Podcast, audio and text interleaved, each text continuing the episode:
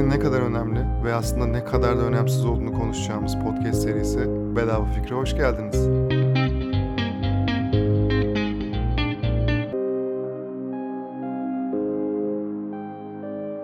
Merhaba, hoş geldin. Beşinci bölümde karşındayım. Bu hafta erteleme hastalığı denen bir hastalık var. Bunun üzerine konuşacağız. Hastalık mı değil mi onu da tartışacağız gerçi. Tekrar hoş geldin başlayalım. Öncelikle geçen programda, geçen bölümde söylemeyi unuttuğum bir şey ama genelde söylemeye çalıştığım bir şey. Bu, bu podcast senin için ve senin sayende var. Dolayısıyla bu podcast'te senden tek bir ricam var. Bu podcast'te bir fazla kişiye daha önerirsen ve dinlemesini ve hatta paylaşmasını sağlarsan çok sevinirim. Bunu önden söyleyip kurtulmuş olayım. İkincisi de Instagram'da e, bu bölümü hazırlarken en büyük derdin ne diye bir soru sormuştum ve oraya gelen bazı cevaplar var. İki ana başlık var o cevapların içinde. O iki ana başlığın biri huzur, diğeri de iş. Bunların ikisi de çok genel başlıklar. Farklı bölümlerde mutlaka üzerine konuşup değineceğiz. Bu bölüm huzurla biraz ucundan alakalı. Genel olarak iş iş tarafına biraz daha fazla gireceğimiz bir bölüm. Başka varsa bu arada genel olarak ben birinci sezon olarak bir 12 bölüm yapacağım. Bazı konular belli. Neler anlatmak istediğim az çok belli ama hala belli olmayan boş haftalar var. Dolayısıyla bana yazman bu haftaları da senin isteğin doğrultusunda hazırlayabileceğimiz anlamına geliyor yazarsan çok sevinirim. Şimdi erteleme hastalığı benim ilk Tim Urban diye bir blogger var.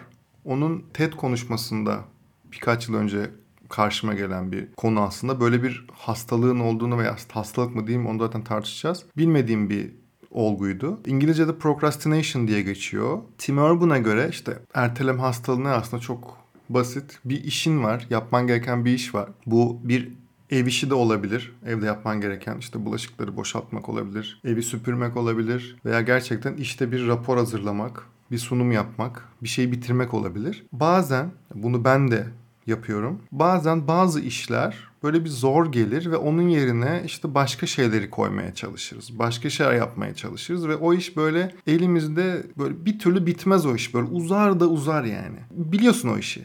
Yani o o işleri. Mutlaka onlardan böyle işte sevmeyiz yani. Yapınca da böyle üzerimizden süper bir yük kalkar ama bir daha olduğu zaman yine böyle yapmak istemeyiz falan. Ve onun için onu onu yapmamak için onun yerine böyle küçük işleri yaparız falan. Onu böyle hep sona saklarız gibi bir durum var falan. İşte bunu, bunu çok yapıyorsan aslında bu böyle bir erteleme hastalığı, böyle bir ertelemeye ilgili bir derdin var demektir. Ki birçok insan da aslında farkında olmadan da bunu yapıyor. Şimdi burada Tim Urban'ın söylediği bir şey var. Bu ertelemeyi yapanlar ve yapmayanlar olarak iki farklı beyin olduğunu söylüyor. İki beyni karşılaştırınca iki, ikisinde de bir işte dümen olduğunu düşün. Bir gemi dümeni gibi işte beynini ve seni kontrol eden. Orada bir mantıklı karar verici bir karakter var. Bu mantıklı karar verici adından da anlaşıldığı gibi işte bay mantık aslında. Hadi şu işi yapalım çünkü bunu yapmamız gerekiyor. İşte uzun dönem planların bunun yaptığı böyle iş bitirici hemen yaptım bitti sıradaki hadi devam edelim diyen aslında böyle mantıklı karar verici bir karakter. Sadece bu olsa hayatımızda hiç öyle bir bir erteleme vesaire gibi duruma gelmiyoruz. Ama diyor ki ertelemeyi çok fazla yapanların diyor beyninde bir yan karakter vardır diyor. Ona da anlık haz maymunu diyor. Bu maymunun görevi de adından da gene anlaşılacağı gibi seni o anki işinden alıkoyup anlık hazlara yöneltmek. Yani şöyle gibi böyle o mantıklı karar vericinin yanında o karakteri düşün maymunu. E bu işi mi yapacaksın? Emin misin? Netflix vardı. Televizyon mu izlesek? Bak Instagram'a bakalım ne oluyor? Biraz magazine mi baksak? Oyun mu oynasak? İşte veya WhatsApp'tan kime yazsak acaba? Biraz midem mi kazındı? Buzdolabına mı baksak falan gibi aslında daha kolay yapılabilecek, daha eğlenceli şeylere sürekli seni yönlendiriyor. Yönlendirmeye çalışıyor daha doğrusu. Ve sıkıntı şu ki sen, ben, hepimiz, çoğumuz yöneliyoruz. Şunu düşün elinde Instagram böyle sürekli aşağı doğru kaydırıyorsun. Yapman gereken başka iş yok mu? Mutlaka çoğunda da var. Yani şunu yapsam iyi olur veya şunu yapmalıyım dediğim bir sürü de iş, iş var muhtemelen ve o işte Instagram'ı kaydırıyorsun aşağı doğru. Dolayısıyla seni aslında böyle bir karanlık tarafa doğru götürmeye başlıyor. Çünkü şöyle bir sıkıntı var orada. Burası kritik. Karanlık oyun alanı diye tabir edilen bir tarafa götürüyor seni.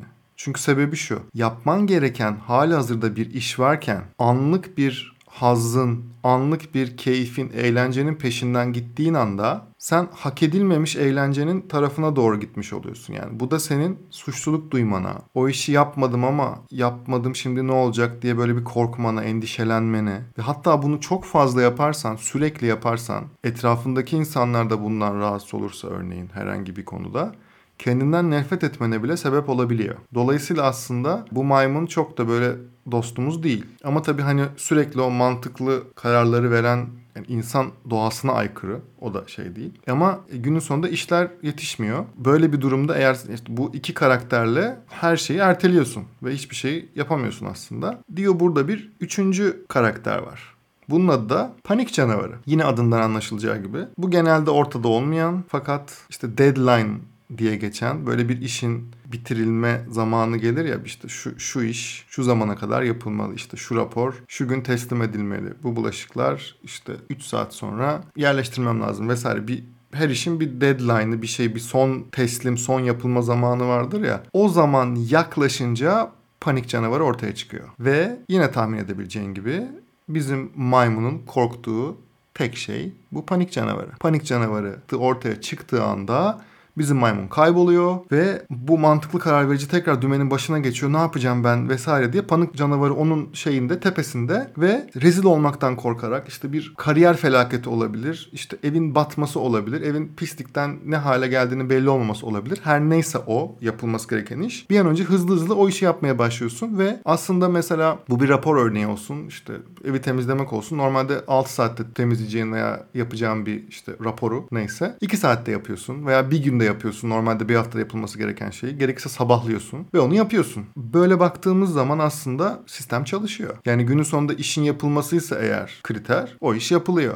Yani şöyle diyebilirsin. Tamam ben erteliyorum ama günün sonunda o iş o olduğu zaman yetişiyor. Önceki stres de benim için okey diyebilirsin. Kişisel olarak benim için pek okey değil. Yani pek hoşuma giden bir şey değildi bu. Ama günün sonunda böyle bir sistem, böyle bir yapılış tarzı var. Fakat e, o TED konuşmasında önemli asıl başka bir kriter var. O da insanların ikiye ayrılmadığı aslında ve herkesin ertelediği. Sıkıntı şu. Biz başka şeyleri de erteliyoruz. Şu olursa mutlu olurum. Veya işte egzersiz yapmam lazım, daha sağlıklı bir hayat yaşamam lazım. Sigarayı, şekeri vesaire bir şey bırakmam lazım vesaire diye kendimize koyduğumuz aslında görevler var. Fakat bunların çoğunu yapmıyoruz. Neden? Çünkü bir deadline, bir son teslim zamanı yok bu işlerin. Ve dolayısıyla onu da ertelemiş oluyoruz. Ve bu bizi uzun dönemli mutsuz ediyor ve bir şey yapmamamıza, bazı şeyleri başaramamamıza sebep oluyor. Dolayısıyla her şeye bir deadline, son yapılma anı, zamanı, tarihi, saati neyse koymamız gerekiyor. Bunu nasıl yapacağımızla alakalı podcast'in en sonunda bir Brian Tracy'nin O Kurbağayı adlı çok sevdiğim bir kitabı ve aslında bir sistematiği var onu anlatacağım. Ama tam bu arada bir 90 derece başka bir yola sapacağız. Erteleme hastalığı evet günün sonunda orada bir anlık haz maymunu diye tabir edilen o maymunun istediklerinin genel olarak bizim hayatı yaşama stilimiz olduğunu savunanlar da olabilir ki var. Bu konuda benim önemli bir kaynak olduğunu düşündüğüm tembellik hakkı diye 1800'lerde yazılmış olan Paul Lafargue'ın Fransızca aslında ama muhtemelen Lafargue diye okunuyor. Bir yazar var. Önemli bir yazar. Karl Marx'ın damadı. Dolayısıyla nasıl bir hayat görüşü olduğunu tahmin edebilirsin az çok. Onun şöyle bir şey var bu tembellik hakkıyla alakalı. Adından da anlaşılacağı gibi zaten insanların çalışmama hakkının da olması gerektiğini savunan bir ideoloji üzerine bir kitap diyebiliriz. Bu kitap şu yüzden bence önemli ve kritik. Sürekli çalışmanın önemiyle alakalı birçok şeye maruz kalıyoruz. Birçok şey duyuyoruz. İşte hayallerinin peşinden git, işleyen demir ışıldar vesaire gibi bizim işte Türkçe'de olan bir sürü atasözü vesaire var aslında. Lafargue diyor ki bu tarz atasözü ve deyimler aslında din adamları ve iktisatçıların sermaye kapital sahiplerinin insanları çalıştırmak için kullandığı ve manipüle ettiği sözlerdir diyor. Ya bu sözler onlar tarafından, onların desteklediği filozoflar tarafından da çıkarılmış olabilir. Zaten olan bu sözleri kendilerince tekrar kullanmaya da başlamış olabilirler fark etmez. Ve böyle bir işte bunun işte burjuvazinin bir oyunu olduğu varsayılıyor. Burada ne kapitalizmin artı ve eksilerinden ne de işte sosyalizmin artı ve eksilerinden bahsediyorum. Sadece bir olguyu ortaya koymaya çalışıyorum ki bence İkisinin de iyi ve kötü yanları var. ve bir noktada bir hibrit modele geçilmesi tabii ki gerekli. Fakat önce bir ortaya koyalım. Dikkatimizi çekmesi gereken konu şu olduğunu düşünüyorum. İşte Fransız devrimine gidecek olursak böyle bir tarihi podcast gibi olmasın ama söylediğim şeyi desteklemesi için bunu anlatmam gerekiyor. Fransız devriminin sebebi klasik olarak işte işçi sınıfının aslında ayaklanmasıydı ya. Bunun altında da şu vardı. O dönemde ilk, ilk fabrikalar kurulduğu zaman şöyle bir çalışma sistemi vardı. Fabrikanın yanında işte bir müştemilat veya çalışanların aileleriyle kaldıkları lojman diyebileceğimiz yerler ama işte şu anki lojmanlardan çok daha kötü koşullar olduğu anlatılır. Orada genelde erkeklerin çalıştığı, kas gücüyle çalıştığı ve 7-24 çalıştığı ve işte sadece uyku zamanlarında ve işte akşam yemeği zamanlarında belki o lojmanlara gidip ailesiyle vakit geçirebildiği ve tüm zamanında hafta sonu diye bir şeyin olmadığı 7-24 çalışıldığı, neredeyse 7-24 çalışıldığı bir dönemden bahsediyoruz. Yani ve burada maaş falan da yok. Yani karın tokluğuna ve barınma ve yemek ihtiyacı karşılanıyor ve onun dışında bir maaş gibi bir durum yok. Buradan daha sonra şuna geçiliyor. Ekonominin büyümesi için hatta işte Ford'un, Henry Ford'un işte Ford markasının sahibi olan Henry Ford'un ilk ortaya koyduğu Fordizm diye geçer hatta literatürde. Diyor ki ekonominin büyümesi için bizim işçi sınıfına da onları tüketmesi gerekiyor diyor. Onların tüketmesi için neye ihtiyacı var? Bir, para. O dönemki geçer akçe neyse o da para. İki, boş zaman tüketebilmesi için. Dolayısıyla bir maaş sistemine geçiliyor ve pazar günleri tatil olmaya başlıyor. Tabii bunun çok fazla çalkantısı gittisi geldisi oluyor ama günün sonunda 7-24 çalışmadan 6-24 çalışmaya aslında. İşte 6 gün 24 saat belki bir çalışmaya gidiliyor. Yine benzer bir süreç ama pazar günleri tatil ve insanlar aileleriyle vakit geçiriyor. Yani oradaki o insan hakları diye aslında geçen şey bir yandan da o dönemki burjuvanın aslında kapital sermaye sahiplerinin istediği bir şey olduğu için hayata geçebiliyor. Bundan sonra insan hakları konusunun ortaya çıkmasıyla birlikte işte devrimden sonra vesaire sonra bu daha inmeye başlıyor. İşte 6 gün 8 10 12 saate iniyor. Daha sonra işte 5,5 gün 8 saatlere iniyor ve en son aslında şu an bütün dünyada az çok kabul edilen 5 gün 8 saate geliyor. Burada da hep altında bu arada bir yandan işte din adamları ve iktisatçıların özellikle din adamlarının burada çalışan halkın daha az ahlaksızlığa vakit bulacağıyla ilgili söylentiler ve işte bununla ilgili vaazlar vesaire de veriliyor. Özellikle Hristiyan camiasında. Ve işte o Fransız, o Fransa'dan yayılan o devrim diyelim sonrasında bugünlere kadar getiriyor bizi haftanın iki günü maaşlı çalışanların haftada iki gün çalıştığı ve işte ortalamada 8 saat diyebileceğimiz bir mesai saati resmi olarak bir mesai saatiyle bir noktaya geliyor. Fakat burada şöyle bir taraf var. Bir yandan da orada o dönemlerde özellikle bir İngiliz madenci ailenin fertleri arasında geçtiği söylenen benim ilk okuduğum zaman çok etkileyen beni ve hala da düşündüğüm zaman hala da anlatırken beni etkileyen bir metin var. Doğru veya değil bunu bilemeyiz ama ihtimal dahilinde olan bir metin olduğunu düşünüyorum. Şöyle diyor. Çocuk annesine soruyor. Anne üşüyorum sobayı yakamaz mısın diyor. Annesi de diyor ki oğlum kömürümüz yok.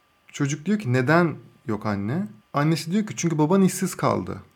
Peki neden işsiz kaldı diyor çocuk. Annesi de çok fazla kömür olduğu için diyor.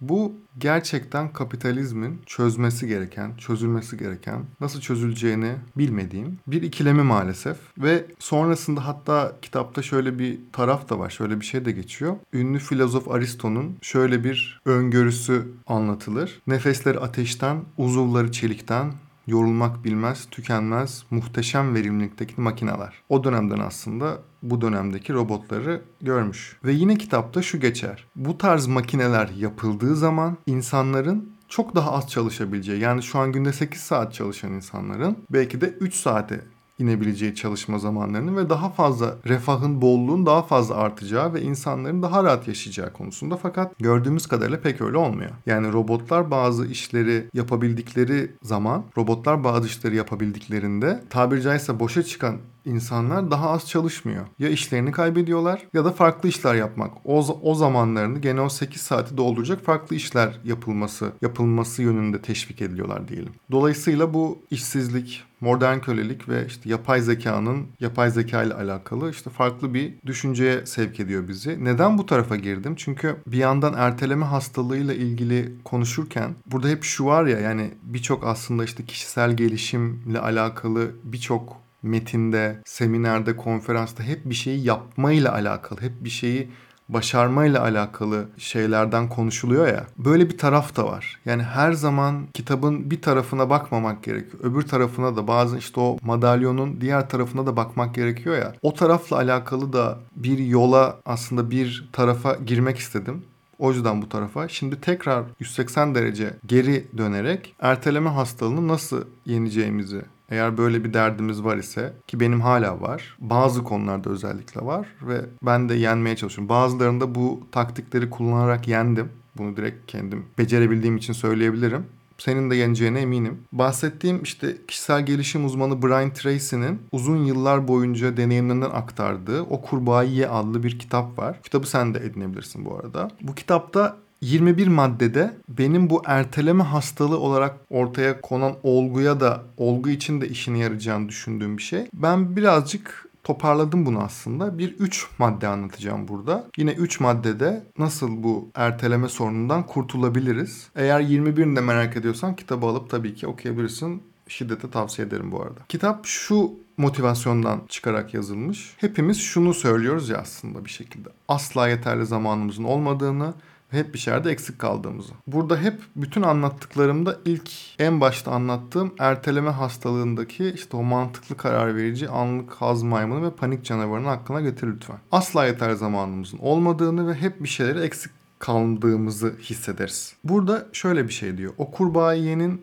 kitabın isminin böyle olmasının sebebi şu. Eğer her gün bir kurbağayı canlı canlı yutmak zorunda ve yemek zorunda olsanız diyor kitapta. Sabah ilk iş olarak bunu yapmanız sizi günün kalanında rahat ettirir. Sonrasında başınıza daha kötü bir şeyin muhtemelen gelmeyeceğini bilirsiniz diyor. Yani o gün tahmin ettiğin bu iş her ne olursa yapman gereken o gün iş en zor olanı en başta yapmak sana günün sonrasında bir kolaylık sağlayacaktır. Burada da şöyle o 21 maddeden benim 3, 3 madde indirdiğim kısmın birinci maddesi. Birinci madde istediğin şeyin net olması ve her gününü mutlaka önceden planlamak. Yani bu normal bir maaşlı bir işte çalışıyor da olsan, girişimci de olsan, ev hanımı da olsan her neyse. Diğer gün yapacağın şeyleri bir gün önceden planlamak senin o güne 1-0 önde olmana başlıyor. Bu çok net. O gün hangi saatte neyi yapacağını ortalamada biliyor olmak sana o gün çok daha rahat uyanmanı sağlayacaktır.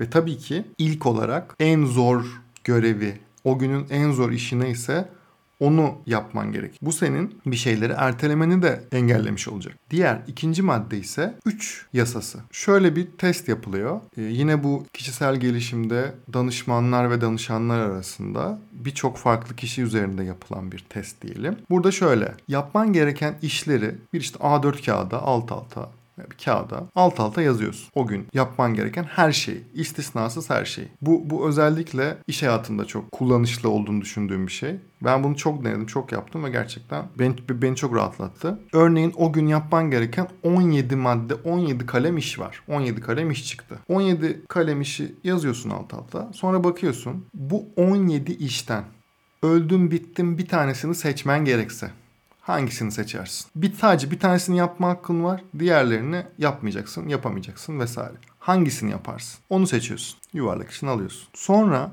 diğer 16'sından veya kalanlardan bir tanesini yine yapmak zorunda olsan hangisini seçersin? Diğerini yapmayacaksın. Onu da seçiyorsun. En son kalanlardan bir tane daha hakkın var. Üçüncü olarak da onu seçiyorsun. Diğer hiçbirini yapmayacaksın diyor. Bu üçü teoriye göre ki ben gerçekten denedim bunu. İşe yarıyor. Bu üçü senin muhtemelen iş yerinde veya yaptığın işte yapman gereken ve seni sen yapan şeylerin maaş almanı sağlayan veya para kazanmanı sağlayan veya var olmanı sağlayan şeylerin %80-90'ını oluşturuyor.